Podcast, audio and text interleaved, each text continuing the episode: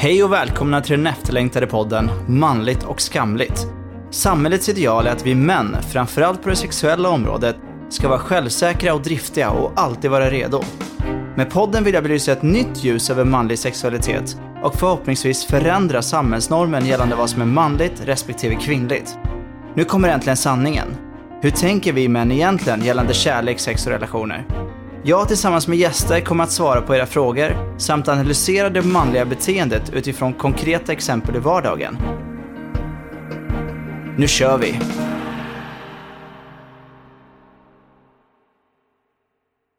Tja! Tja Hasse. Välkommen! Tack så mycket. Vem har jag med mig? Leo, Leo Askeland heter jag. Kul att vara här. Kul att ha dig här, faktiskt. Tackar. Väldigt, väldigt trevligt. Eh, hur känner vi varandra? Vi är kollegor. Du så väl lära känna varandra? Ja, exakt. Faktiskt. Vi klickade ganska snabbt tycker jag. Jo, men det tycker jag också. Känns som två reflekterande, eller du är reflekterande och gillar att snacka. Det gör ju du om, också. Ja, jo men faktiskt. Jag vill bara inte snacka om mig själv. Nej, det är så typiskt svenskt. Är det inte så? Ja, jo men faktiskt. Man får inte prata om sig själv. I bra, i positiva termer. Men annars går det bra, eller hur? Ja, nej, men jag vet inte om man ska säga positiva termer direkt. Det är ju inte så, all, så jättemånga som alltid vill prata om så existentiella saker. Så det är ju därför det är kul att träffa en likasinnad. Faktiskt. Ibland är det lite tungt för andra att gå in på liksom, de här meningen med livet-grejerna. Mm. Det är ju egentligen de bästa att prata om för att det finns inga svar egentligen. Ja, jag håller med. Och då kan man få reflektera fritt. Så att det blir inga, inget som så här, det här är rätt och det här är fel. Nej, det tar den vändningen det tar. Nej, exakt. Precis. Men eh, var det konferensen som... Där vi började egentligen? Jag tror det. Ja. Jag tror det var ganska skräckbakis på väg hem från Lidingö. Jag satt och nojade över alla tvärbanor och alla spårvagnar som jag tycker är så läskiga för att det är olika system. Just det. Där kommer vi in på system. Det är så roligt med dig. Ja. Du är väldigt så här, kategorisk på ett sätt och Ja. gillar liksom, tydlighet. Och då kan vi lite prata om din, ditt största intresse. För det blir ju lite kopplat till det. Absolut. Sällskapsspelen som ja, största. Jo, men det är väl ett av de största. Ett av de största. Det Ja, du har många. säga. Ja, många intressen. Men sällskapsspelen är ju absolut en av de stora. Mycket att jag gör egna spel, men också att jag spelar egna spel. Mm. Det var lite, det, det var, om jag ska vara helt ärlig var det lite där jag fastnade för hos dig. För att på ett sätt så, så, så stack du ut från mängden. För att du inte bara spelade sällskapsspel utan du skapade sällskapsspel. För att jag gillar den här skapande, eh, skapande delen av det hela. Liksom den kreativa atmosfären. Jag gillar sällskapsspel också, väldigt mycket. Men det är faktiskt lite, lite för sällan i vardagen att man spelar det. Eh, För det är väldigt trevligt när man gör det. Det blir lätt att umgås och liksom ha något att prata om och det blir väldigt socialt. Liksom. Man måste ta sig tid Mm. egentligen. Och det, ja, det Mm. ska ju inte vara på bekostnad av något. Man vill ju fortfarande kunna hänga, käka middag, snacka skit. Eh, Men sen avdramatisera det lite med spel också. Mm. Hitta en lagom balans. Hur har helgen varit? Spelat lite sällskapsspel kanske? Oh ja, Har du? Jag tror det. Jag inte, så, jo, jag har spelat ett långt spel, ett svenskt spel, Nations. Det får man nästan dela upp på två dagar. Oj. Som jag spelar med min fru. Du gick in lite på civilstatus också, vilket var intressant. Gift? Ja, gift. Eh, sen i maj i år. Aha, färskt. Mm. Mm. Ja, jag har sett lite bilder. Såg väldigt, väldigt trevligt ut. Ja, jo men det var kul. Eh, dagen var kul och det var skönt att ha det gjort. Det var en påfrestning tycker jag att planera inför giftermål. Och då var det ändå eh, Petra som planerade det mesta. Petra är då din fru såklart. Petra är Ja. min fru. Precis. Eh, ja, nej men det, det, det är klart att det är påfrestande, det måste det ju vara. Men sen är det väl lättnad när det är över på ett sätt. Att Ja. det gick igenom liksom så, det var skönt. Men det var inte allt för många heller. Så, eller ska jag Ja, säga det var från mitt hundra perspektiv. bjudna. Vi var väl 85 som kom på middagen. Det var, inte heller, det var ganska bra. Ganska Ja, bra. ganska lagom. här. Vi satte gränsen vid 100. Alla som tillkom därefter blev inte bjudna. Nej, det är väl, det är väl logiskt. Ja, det kändes ganska rimligt. Det är, min kultur är motsatsen. Då Ja. är det typ 350 Minimum, annars sätter vi och så kommer det 500 pers. Ja. Nej, skojar. Ja, det är charmigt. det är härligt faktiskt. Nej men det är faktiskt inbjudningar och man måste tacka eller så här, attenda och sådär. Så att, Svårt att hitta lokal då. Ja, det är det. Men det finns ju så här färd, färdiga lokaler tänkte jag säga. Men det finns lokaler specialiserade för just Syrianska bröllop och så. Hälften i Södertälje. Därför, ja, dels det. eh, fördomar. Men nej, men det- det är såklart att det är så. Eh, Men mycket finns också i Norsborg och eh, Hallunda tror jag det finns någon. Ja, i mina trakter. Mm, exakt, just det. Från Bredäng. Ja. Ehm, så, men, det, men de är ju också fullbokade bara därför. För att liksom, det, blir ju, det blir ju så. så man måste nästan, om man ska gifta sig så måste man vara kanske ute minst ett år innan för att boka lokal. ja, det är sjukt vilken hets det har blivit. Det har det. det, har det. Undrar om det var så förr eller om det är så nu bara. Men eh, idag ska vi inte prata om bröllop utan vi ska prata om att känna skuld i en relation. Är min tanke. Mm. Eh, och sen så, ja, får se lite. Jag har fått in eh, några frågor men jag har valt ut två stycken som är väldigt intressanta tycker jag. Just som handlar om att känna skuld. Och så får vi se om vi känner igen oss i det. Jag tror att det är ganska vanligt att man känner skuld i en relation. Ja, jag tror att det är en naturlig sak eller att det är en positiv sak att känna skuld. Sen varför man känner skuld och hur mycket skuld man känner är väl väldigt individuellt. Eh, Men skuld är ju också den känslan hos människor som reglerar oss eh, att inte göra för mycket av vissa saker. Eh, hade vi aldrig känt skuld så hade vi nog gått runt nakna på gatorna och gjort lite precis vad vi vill. Det är sant. För skuld är också en reflektion på samvete på något sätt. Att man har empati eller på något sätt känner någonting. Eh, kan jag tycka. Ja, nej, men jag håller verkligen med. Det är väldigt tätt sammankopplat med just empati. Mm, det tror jag också. Bra, ska vi gå över till första frågan? Let's shoot. Let's shoot.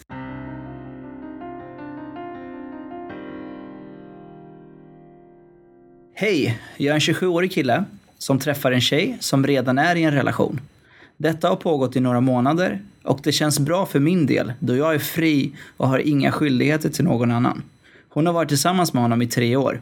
Borde jag känna skuld eller ska man tänka att skulden ligger hos henne som kliver utanför relationen och inte mig som blir indragen? Vad tycker ni och hur hade ni resonerat om ni var i min situation? Bra podd by the way. Hälsningar H. Det är någon som vill vara lite anonym. Intressant fråga, eller? Ja, jo, men den är väldigt intressant. Mm. Och, men så svaret hänger väl ihop med vad H har för mål Mm. med relationen, tänker jag. Inte, vad tänker du? Ja, men jag är också lite inne på, det är klart att det, det har, men min första spontana fråga blir så här, om man ska sätta sig in i hennes situation, eller typ, eller inte hennes snarare, utan hennes killes situation. Så om du var den killen, hur hade du känt då? Är ju min, men sen samtidigt så är det ju så här, det är ju inget ansvar på honom. Som han säger i, i, i frågan också. För att han gör ju inget fel inom situationstecken liksom. Eh, men det är alltid liksom någon som kommer bli sårad. Jo, men något fel gör han ju, men ansvaret ligger ju inte på honom. Nej, det är sant. Och det är väl eh, så länge han liksom uppskattar den relation han har nu eh, så det är ju tjejen som ska känna skuld och det ska hon verkligen. Eh, för där eh, tycker jag, om man verkligen älskar någon så är man stor nog att göra slut där och då. Liksom man spelar ju på någons förtroende. Precis. Nej, det gör ju inte H. Han verkar ju gilla nuet och Nej. ser vart det här är på väg. Mm. Eh, så varför inte? Precis. Ja, ja, exakt. Och jag måste erkänna att man har varit i den situationen. Liksom. I början vet man ju inget, men sen kommer det fram att hon har en pojkvän. Alltså så. Och då, då kommer ju den här moraliska kompassen. Bara, men vänta nu, vad hände här? Vad gör jag för fel? Eller gör jag fel? Eller gör jag inte fel? Precis som man ställer frågan. Och, och jag har brottats med det där ganska svårt. För man har ju inget ansvar, på- som du säger. Eh, men på något sätt satte jag upp, det här var när jag var lite yngre, så då satte jag upp någon regel att så länge jag inte vet vem han är, då är det okej. Ja, det känns så. Ja, då kändes Ja, det så. Så länge man skakar hand så är det lugnt. Ja, men lite grann så här. Så då kändes det så. Men sen så, så fortsatte ett tag så här. Och sen så blev det så att jag tror att jag såg någon bild på Facebook eller något. Eh, på honom. Och då direkt så blev det som att nu blev han verklig. Eh, och då kunde inte jag fortsätta. Men det var ju också så här. Då kände du skuld. Ja, faktiskt. Bara för att det blev en verklig människa. Och då kände jag, då ställde jag mig frågan så här, hur hade jag reagerat om det var jag? Liksom? Var, då är jag ändå bidragande till någon annans liksom, ledsamhet. Eller han kommer ju bli sårad. Liksom. Och då är det ju delvis mitt fel eh, Ja. på ett sätt. Det beror på hur länge det har pågått också. Det kan ju också vara att man gör båda en tjänst genom Ja. att de kommer de har varit göra tillsammans i tre år och de har hållit på i några månader, står det. Ja. Jo men precis, man har, uh, om de nu ändå ska göra slut då. Det är kanske det man tänker är anledningen till att tjejen nu är otrogen. Uh, så kan man ju ge dem hjälp på traven. Jag tänker att är man redan otrogen så är ju förhållandet så pass dåligt att det är dags att göra slut. Absolut. I varje fall om man bara varit ihop i tre år. Jag vet Absolut. inte hur det ser ut om man varit ihop i 30 år. Då kanske det liksom finns en naturlig, eller det kanske blir vanligare att man blir attraherad av någon annan för att man kommer ju hamna i en rutin i Precis. livet. Och det, det intressanta då är, om man jämför tre år med 30 år, är att skulden då vid till exempel otrohet blir också mycket högre. För om du har varit tillsammans i 30 år, då kommer en enorm skuldkänsla på något sätt. Och samtidigt då inte kunna släppa relationen på grund av hela historiken som ni har haft tillsammans. Tre år i och för sig också ganska lång tid, fast inte lika långt på det sättet. Ehm, men det är också alltså... Smekmånaden är över. Ja, precis. Men tycker du att det låter som att han skulle vilja ha någonting mer med henne? För tänk om det går över till den, liksom att hon gör slut med sin kille för att vara med honom. Han kommer inte vilja ha det, låter det som i alla fall tycker jag. Ja, nej, men det, det är det man funderar på. Och det är det som blir liksom det intressanta i det hela. Hur ska man spela ut sina kort om han vill ha någonting mer? Eh, för där är man... Ja, man har en svår roll att spela de gånger man själv har varit där. Att, eh, ska man säga till den andra, jag vill verkligen... eh, jag har hört polare som säger det, ja, men du måste göra slut. Eh, Du måste göra det omgående, annars har vi ingenting att bygga på. Alltså köra ett ultimatum. Med sina tjejer eller killar då. Ja, med respektive att säga. Alltså den som nu man är ihop med som är otrogen mot någon annan. Eh, och jag har sett ultimatummetoden funkat. Du måste göra slut för jag vill satsa på det här. Eh, och jag har sett de- den snälla metoden funka. Att så här, jag tänker inte ställa några krav. Vill personen det här lika mycket som jag vill så kommer hon också fatta att hon måste göra slut. Ju snabbare hon gör det desto bättre grund att bygga ett förhållande på. Eh, det, ja. Jag håller med, ja det, det är ju så. Men också, med otrohet är ju ett annat tema, men vi var ändå inne på det. Och jag tror även om man då är den här att du får välja att göra slut med honom och gå tillbaka till mig för jag vill satsa på det här, eller tvärtom, så tror jag att det underliggande kommer finnas eh, Alltså det man förstör är ju kanske inte relationen, men man förstör tilliten. Även om det går tio år så kan man alltid, eller vi människor är väldigt bra på att hålla kvar vid saker som har sårat oss, vilket är naturligt. Och då kan man vända det mot den personen, typ tio år senare. Bara, ja men du ska inte säga något, du var ju otrogen för tio år sedan. Då får jag göra vad jag vill nu. Fast man då har pratat om att det är över. Det blir, förstår du vad jag menar? Mm, jag förstår precis vad du menar. Det beror, jag skulle säga att det allt beror på hur man löser det där då. Om hon vill vara med med honom och han vill vara med med henne så måste hon agera snabbt. Och det tänker jag oberoende av om man ställer ett ultimatum eller att hon bara måste förstå det. Eh, sen kan ju problemet vara att han har sagt att så här, eller indikerat att han inte vill ha något mer. Nej. För om han visar att han inte vill ha något mer och hon gör slut, eh, då framstår ju hon som världens mest desperata person. Så då har hon ju ingenting kvar. Precis. Eh, eller hon kanske har möjligheten att hitta en till En riktigt till. bra relation. Eh, Exakt. Men om man, om man ska utgå från han då och sen vad alternativen är ju så här. Ja, fortsätta ett tag, ha trevligt. Eh, förr eller senare så kommer hon antingen lämna dig då eh, för sin pojkvän och sluta upp med den ni har. Och om det är okej för dig så visst. Andra alternativet är som vi pratade om innan, att hon lämnar honom, alltså sin pojkvän, för att gå till dig. Och hur skulle det kännas? Eh, är du redo för det? Och hur, det intressanta om vi pratar om skuld är, hur skulle din skuldnivå öka då om hon väljer dig framför honom? Förstår du vad jag menar? ja, jag förstår Eh. absolut hur du menar. För egot växer ju säkert. Jag tänker att det egentligen inte spelar någon roll. eh, Alltså, om hon i ett tidigt skede väljer att vilja satsa på det här och lämnar killen eh, så kan man inte känna någon skuld för att hon vill vara med mig när jag vill vara med henne. Nej. Eh, det får killen bara ta. Eh, det är... Sen att om, han blir ledsen och så, det måste man ju ha förståelse för. Herregud, han kanske också älskade den här personen. Absolut. Eh, jag vet inte, vad tänker du?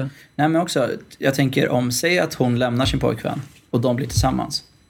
Då hade jag i alla fall haft på något sätt undermedvetet tanken på att det här skulle kunna hända mig också. Att hon skulle kunna, lika gärna kunna vara med någon annan om två och ett halvt år. Precis som hon var nu. Alltså det, sen kanske inte hon skulle vara det. Eh, men tanken kommer ju alltid finnas där. För när man börjar en relation på det här sättet så blir det väldigt svårt att förbise det här scenariot. Speciellt när det är lite skevt i relationen. Då tror jag att man direkt går och tänker att ja men nu, nu. Liksom, om hon säger ja men jag ska ta en öl med en kollega liksom. Då kommer man ju spontant på ja nu är det, nu är det dags. Nu gör hon samma sak som hon gjorde mot sin kille liksom. Ja, jag, jag tror att det, mycket av det beror på vilken grund man känner att man står på. Eh, hur förälskelseperioden är. Alltså ju starkare förälskelseperiod man har desto tryggare grund har man att stå på.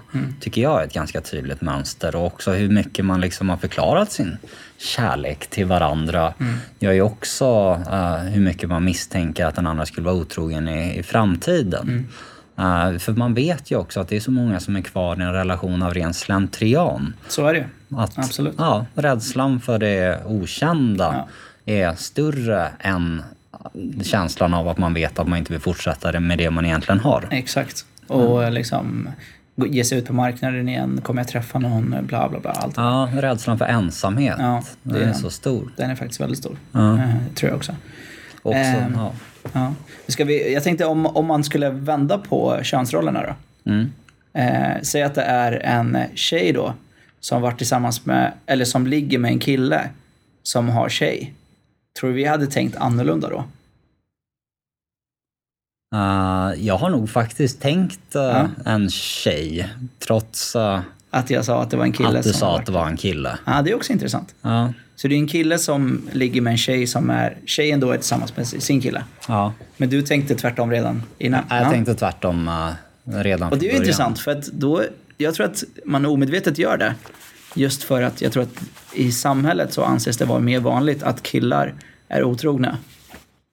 Tror du inte det? Men vad, det var väl ändå, vadå? H var ju han som var ihop med, Exakt. eller som dejtar en Ja. tjej som är otrogen. Precis. Men säg att det är en tjej som ligger med en kille Ja, som ja. är tillsammans med en annan tjej. ja just det. Ja, men Ja. så har jag inte tänkt. Nej. Nej, det är klart. Utan... Nej, du tänkte tjej- rätt då. Ja, jag Ja. tänkte rätt. Ja, men precis. Tror du vi hade tänkt annorlunda då om det var liksom att det var en tjej som, alltså att killen är otrogen mot sin flickvän med den här, den här tjejen. Jo, men jag tror att jag, jag hade nog tänkt annorlunda. Det måste jag faktiskt uh, ändra Mm. Det tror jag också mig. att jag hade gjort. Ja. På vilket sätt tror du? Att det, jag hade nog hamnat mer i den fällan att det är för njutningens skull. Mm. Eh, att relationen där trygga, eh, det man är rädd för att mista. Mm. Eh, det har man där. Men så har man liksom platonskt sex, om det nu går att ha det, eh, Mm. med, med någon vid sidan av. Jag läser in mindre i den relationen som skulle kunna komma. Exakt. eh, om det är en kille som är Mm. otrogen. Jag, jag, jag tänkte likadant, vilket är väldigt intressant eh, på ett sätt. För att det är väl, jag tror att det är för att vi är präglade av att tjejer generellt är mer känslosamma och eh, tänker på framtid ganska fort. Medan killen tar det för vad det är just nu. Samtidigt så här, om, så tänker vi ändå att så här, eller fördomen om att killen aldrig skulle lämna relationen för en annan tjej. Eller tvärtom. Jag vet inte riktigt var jag står där. Om, om tjej, för jag tänker att tjejer kommer nog behålla sin pojkvän längre. Om inte det är så att hon faller för den nya killen. Ah, Okej, ja, då tänker vi nog Men olika. killen tror jag att eh, han, om det hade varit en kille då, hade haft svårare att lämna sin tjej för en, en han har sex med. Ja, nej men då tänker Ja. vi lika. Absolut. Jag tänker att en tjej som är otrogen är otrogen för att de faktiskt vill hitta någonting bättre. Mm. Medan en kille som är otrogen uh, gör det mer för njutningens behag. exakt. Eller, Så kan det vara, men det behöver inte vara så här. nej, nej, absolut Nej, inte. Det är ju men det är intressant att man tänker så. generaliseringar. Ja, ja. Jo, men det är ju en genusfälla man hamnar i där och då. Och någonstans är det ju det som också är hela genusfällan, att man pratar om generaliseringar. Mm. Eh, och när man inte vet mer, mer om den här relationen eh, och faktiskt kan prata om individerna eh, så kommer man ju falla in i de här generaliseringarna. Nej, exakt. Ja, men så är det ju. Bra. Ska vi sammanfatta på något sätt? Men det är ju liksom, egentligen har du inget ansvar. Nej, Så. Men det är befogat att du känner skuld, tycker jag på något sätt. ja, Just för att du vet att, jag tror att skulden kommer med att du vet att någon kommer bli sårad. Om det är du, om det är hennes kille eller om det är hon. Någon kommer bli sårad av det här i slutändan. Så egentligen, jag skulle i alla fall rekommendera att, eh, okej om du, alltså ligg några gånger till och sen avsluta det liksom. Ja. Eh, tycker jag är bäst. Om inte det är så att du vill vara med henne, liksom ha en framtid. Eh, då kanske det blir något helt annorlunda. Men då är frågan så här, kan du då lita på henne i långa loppet? Eller tänk, kommer du tänka då att hon kommer göra samma sak mot dig? Mm. Så hitta en ny tjej helt enkelt. Ja, men det bygger ju också på väldigt monogama generaliseringar ja, då. då.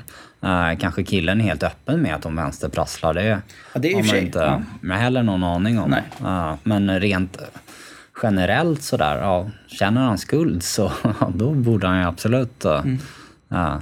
kanske avsluta det. det ska ju...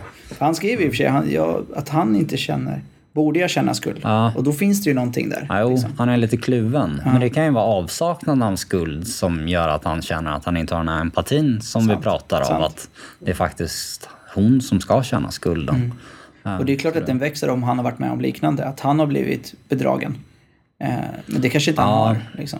Nej, men det, det, finns nog en direkt, ett direkt mm. samband däremellan. Mm. Och då blir det ju kanske direkt skuldbelagt också. Mm. Han får känna efter. Han får känna om, efter. om man nu faktiskt känner skuld så avslutar det. Mm. Och att hon ska känna skuld, 110 procent. Ja, ja, absolut. För hon gör ju helt fel. Om han är den monogama Exakt, precis. Absolut, ja. absolut. Bra. Jag tror att det får sammanfatta första frågan. Absolut. Då tycker jag att vi går över till nästa fråga. Spännande. Spännande.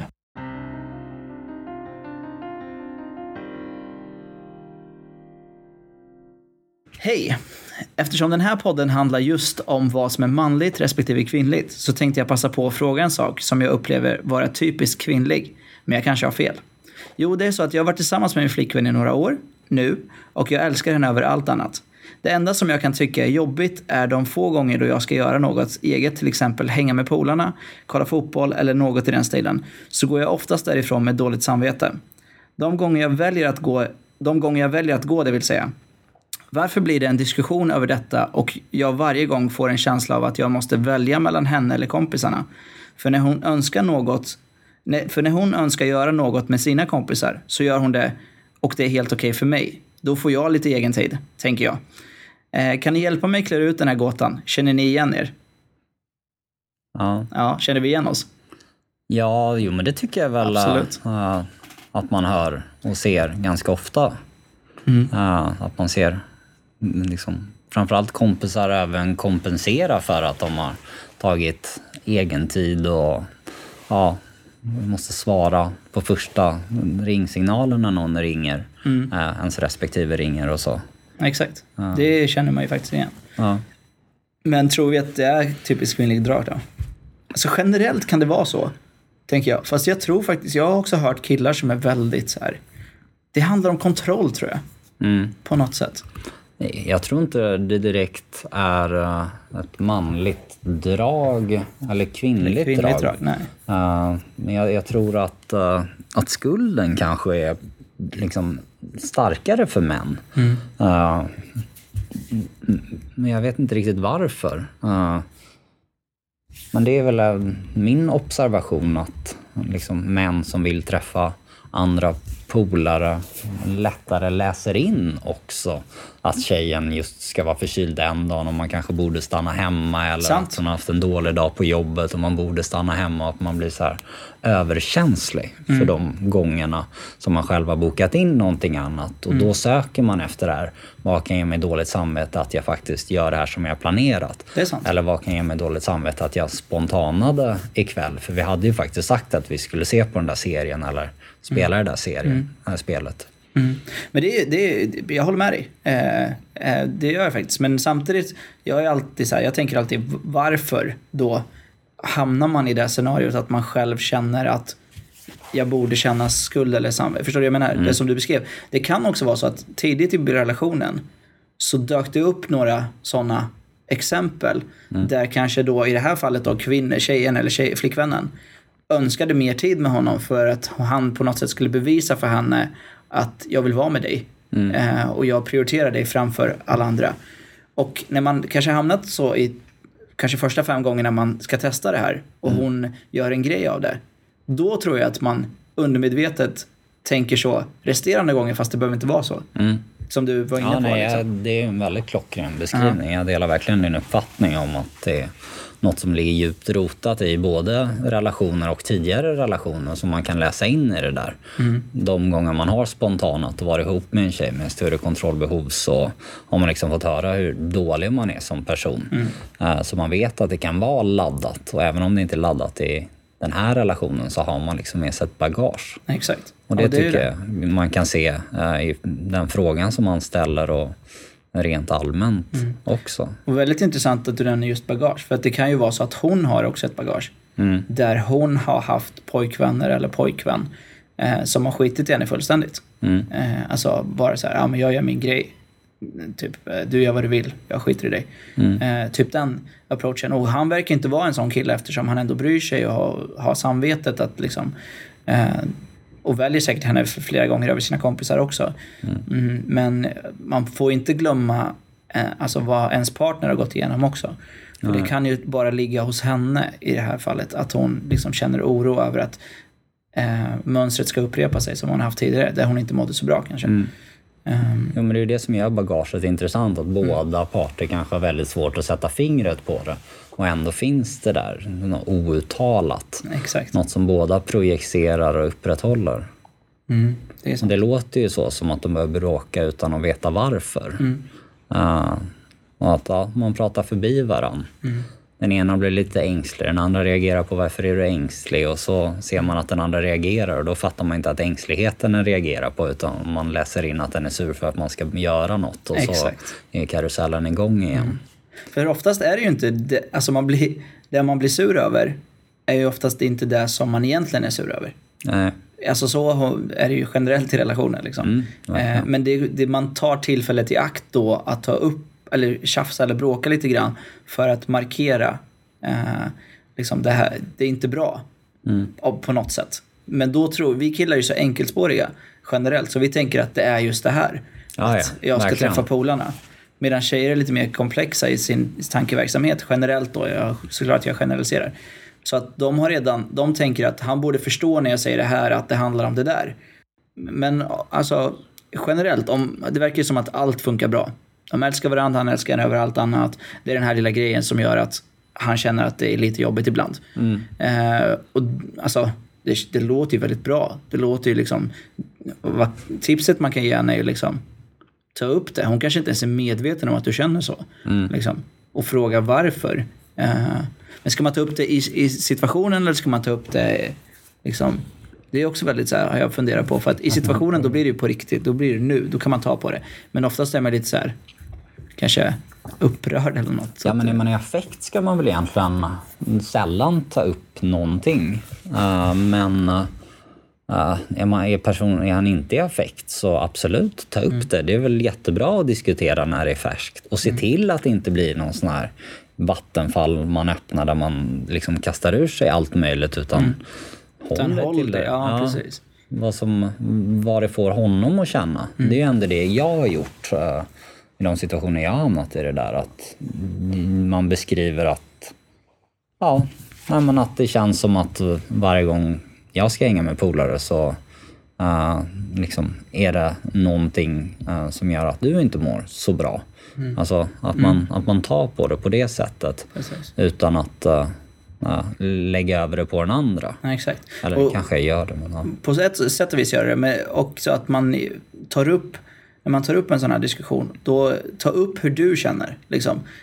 Jag säger typ att du, du känner så, du bla bla bla. Det, det brukar inte gå jättebra. Om inte det är en jättebra människa som man diskuterar med, om man diskuterar på samma nivå, då funkar det. Men annars säger så här, varje gång jag, eller de gånger jag ska gå med polarna eh, och du säger liksom, ja men stanna hemma med mig. Det får mig att känna mig så här. Förstår du? Att man bara beskriver utifrån sitt eget perspektiv. För jag tror att det är mycket starkare och det är lättare att ta till sig för den andra liksom, om, man, om man visar lite sårbarhet på något sätt. Att jag mår inte bra då för då får jag dåligt samvete för att du är hemma själv och jag vill inte ha dåligt samvete men jag vill också ha ett eget. Liksom, Ja, det är ju absolut så man borde gå tillväga också, beskriva just den, liksom, den känslomässiga stormen som kan uppstå i att man faktiskt vill vara alla till lag Exakt. samtidigt. Precis. Det är väl det som ligger i grunden till det dåliga samvetet kan jag tänka mig. Och håll dig till ämnet om du ska diskutera det, Ja. som du sa. Ja. Men ett annat tips som jag kom på för att m- en kollega till mig, eh, de har eh, levt tillsammans ganska länge och gifta och hela den grejen. Det de har gjort är att de har eh, en varsin dag schemalagd. Eller kväll då, om man ska säga efter jobbet. Där de får göra vad de vill. Mm. Utan att den andra liksom har egentligen någon åsikt om vad den gör. Förutom såklart, alltså det finns ju inom, inom ramarna. Men eh, för henne är det till måndagar till exempel. Då, eh, då, Jobbig dag att få. ja, vad sa du? Jobbig dag att få. Ja, men hon, hon har valt den själv tror jag. Ja. Eller någonting sånt. Eller någon annan dag. Man kan ju välja vilken dag som Ja, helst. ja, absolut. Men då har han, han ansvar för att hämta barn och han har ansvar för hu- hushållet och han har ansvar för allt det där. Mm. Och då får hon göra i stort sett vad hon vill. Om hon vill gå till biblioteket och sätta sig och läsa i tre timmar eller om hon vill dricka en öl med en kompis eller om hon vill. Och det tycker jag är en ganska bra lösning. Och då får hon, alltså om du tar in en dag för dig själv och hon kanske vill en dag för sig själv. Och vill inte hon ha tid för sig själv, Mm. då är det liksom upp till henne att välja det. Eh, Men det kan vara en bra lösning också. Ja, det var intressant när du beskrev det. För till, till att börja med så tänker jag, men, är det sådana stora problem att man måste ta en dag, då måste man liksom angripa problemet djupare. Men sen nämner du det med barnhämtning och att det just kommer in administrativa saker man Exakt. inte kommer ifrån. Och då låter det ju som en jättebra lösning. Att man har den där heliga dagen och hur just den barnfrågan Precis. sätter det på sin spets på ett annat sätt. Intressant. Jag har, inte, jag har inte tänkt så. Men just om man är i en, bara en relation eller om det var... I det här fallet så tror jag att det handlar mer om det administrativa. Ja, men är man bara i en relation då måste man ändå kunna eftersträva att varje dag eh, är möjlig att göra det man vill på. Och sen ska man ju inte vara borta varje dag i flera veckor. Eh, Då har man ingen relation heller. Nej, Men precis. vikt av spontanitet i alla relationer är ju viktigt. Mm. Jag pratade också med en kollega om det där just eh, för han kanske han har ju varit så himla tydlig eh, med den han lever med och bor med eh, från början. Att han, han kommer ha mycket egen tid. Han kommer vara med polarna. Han, han har alltid Jättebra. drivit den här frågan.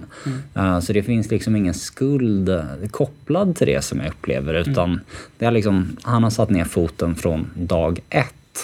Uh, Medan man ser andra relationer där man liksom kanske är förälskade så himla länge och umgås så himla länge ihop att det inte förrän första året man kanske ens har en dag utan den andra.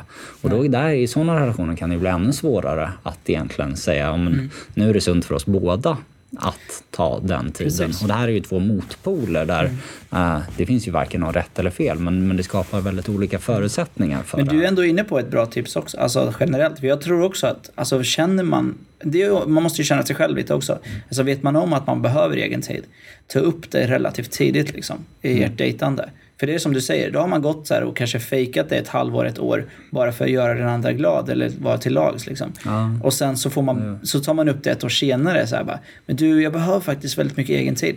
Då bryter man ett mönster och då blir det ju då blir det en andra frågesättande till att antingen att han kanske träffar någon annan, har han tröttnat på mig, tycker han inte om mig längre och allt det där som kunde undvikas om man bara ganska tidigt säger så här, jag behöver typ någon dag i veckan eller någon kväll i veckan där jag liksom bara får vara jag. Men det jag menar med med de här exemplen det är ju snarare den ena som sätter ner foten direkt och verkligen Ja, du menar så, och den den andra- behöver den andra. Och den andra är så stört förälskad att den inte vill ha någon egen tid Nej, på exakt. ett år. Ja, jag fattar. Uh, Okej. och nå- ett- liksom ett år, ett halvår, två år, någon gång liksom en nyförälskelse kommer ju alltid att avta och gå över till en liksom djup kärlek om man har tur. Mm. Och i den fasen kan det vara svårt att skapa ett nytt mönster som Mm. är till gagn för hela relationen och för båda. Ja, men då förstår jag. Då förstår jag. Bra, men jag tror att vi, vi har gett han ganska bra tips. Tror jag. Och eh, reflekterat det lite så att han får perspektiv. det. Ja, men jag tror det. Jag, jag tycker att det är ganska bra.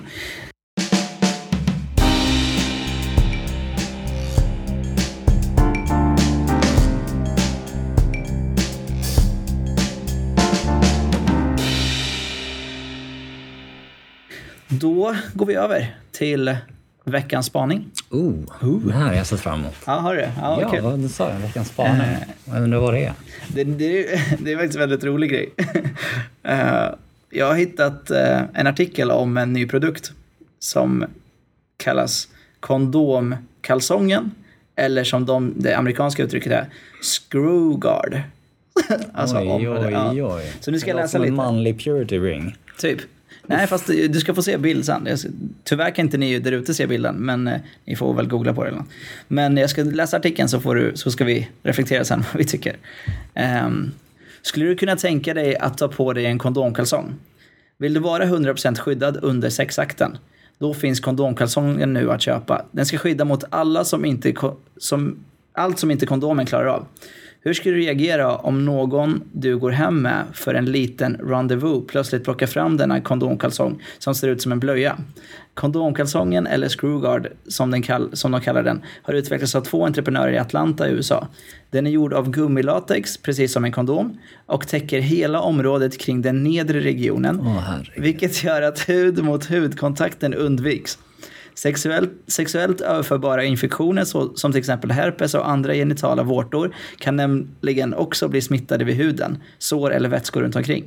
Vanlig kondom är från början framtagen för att förhindra mannens spermier från att komma i kontakt med den andra partnern men kan även skydda mot könssjukdomar om den används korrekt. Den, eh, den skyddar penis men inte längre Eh, vänta, nej, den skyddar penis men lämnar pung och blyg blygområdet helt öppet.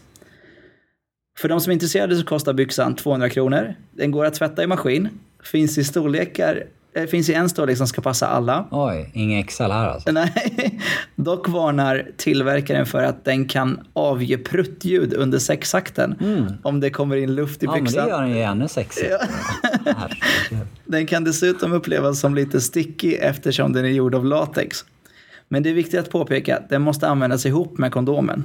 Och den har ännu inte blivit officiellt godkänd för att skydda mot könssjukdomar.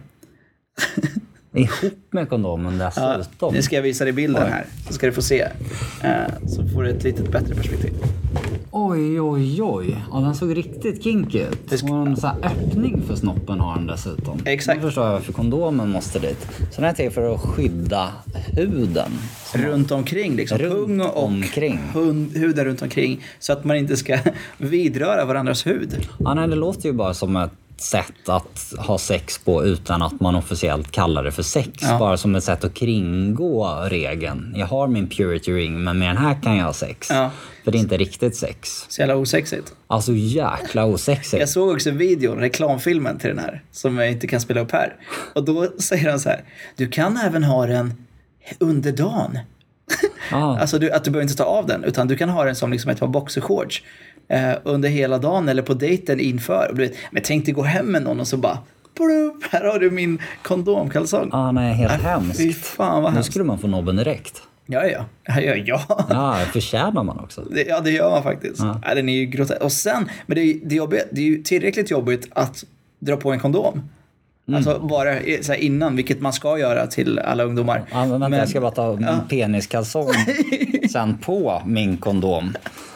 Men hur sexig är han? Det ser faktiskt ut som en blöja med så här kardborreband vid sidan. Men det ser ut som en blöja som en galen doktor har använt någon gång i slutet på 1800-talet.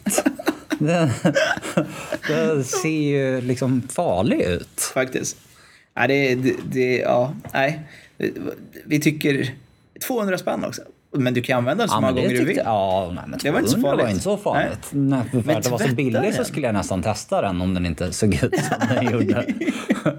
Då blev ju 200 var det enda positiva med produkten. Jag Ja. trodde det skulle smacka på med något ännu mer. För det, ja, det trodde jag också faktiskt. 200 var inte så farligt. Just att den går att återanvända och tvätta. Det är också sjukt. Ja, men kul som en plojgrej bara hemma och plocka fram liksom. Mm. Det, Men det är ju inte sexigt. Det, det, och det, när jag tänker ett steg längre så är det liksom så här. Man skulle ju aldrig ha den i en relation. För Nej. då har man ju liksom sex med en person och oftast är det lugnt liksom. Då behöver man inte skydda sig. Eh, och och dra, när man har singellivet och ska dra hem folk, om man nu gör det, och dra på den där, går ju inte hem heller. nej, nej, men det är väl det de speglar, eller spelar på, att det är avsexualiserat. Att det just är från USA, att det är liksom, även om du är abortmotståndare och inte ska ha sex förrän du är gift så kan du använda den här. Ja. Det, är, det är ett steg bort från sex men du får ändå testa ungefär hur det är. Så kan det det, vara. det är min tolkning kring det där. Kan vara swing, swingers också. Ja, jo det skulle det kunna vara faktiskt. Så det tänkte jag inte på. Nej. Du bara sa USA så tänkte jag, Jag tänkte- direkt på det här. Det är i och för sig då, fast, fast då måste ju båda liksom vara, liksom, då har man ju pratat om det. Ja, Då är det inte så. Då kanske det är bra i och för sig. ja men Fast det är inte sexigt. jag tänker hur ofta så här, oj, nu gnuggar, gnuggar min herpesvårta mot din där. Det är så här, nej, jag hoppas uh, att det det inte har också- gått så långt ändå. Och sen är det tillägg på det är att det kan klia och utge någon form av pruttljud när luft kommer in. Det är liksom så här, det finns inga rätt med den här uppfinningen. Alltså. nej, absolut inte. Det är det som är det sjuka. Liksom. Allt uppfinns. Så fort någon kommer på tanken så ska de göra en uppfinning av det. Ja. Det borde finnas någon nämnd som bara säger nej, dålig idé. Mm. Antipatent. Antipatent. Ja, fan vad bra. Ja, det här får inte uppfinnas. Ska vi uppfinna en antipatentbyrå? Jag tycker vi gör det. Så kan man bara skicka in förslag på produkter som vi bannlyser från marknaden. Men det här kanske blir som internet. nu sågar vi den och sen så blir det... Ja, eller hur? Precis som jag gjorde när Titanic kom. Ja, man gör bort sig stort ibland. Ja, det är sjukt. Det är kondomkalsongen. Det är ur årets julklapp 2016. Exakt, varför inte? Nej. Det, vi, vad tycker vi? Tummen ner. Tummen ner, garanterat. Helt Kommer klart. aldrig använda det i mitt liv. Nej. Kommer aldrig köpa den. Bra! Det var veckans avsnitt. Tack för att du kom. Ja, tack själv. Du har precis lyssnat på Manligt och skamligt, en podcast av mig, Afram Gabro och stort tack till Jonathan som hjälpt mig med ljud och redigering. Podcasten hittar du på iTunes samt på kaffemaffe.se. Jag finns även på Facebook, Twitter och Instagram, at kaffemaffe. Gilla och lämna gärna en kommentar om vad du tyckte om avsnittet. Och om du har frågor så går du in på kaffemaffe.se och skickar ett mail under fliken kontakt. Tack för att du tog dig tid att lyssna. Kärlek!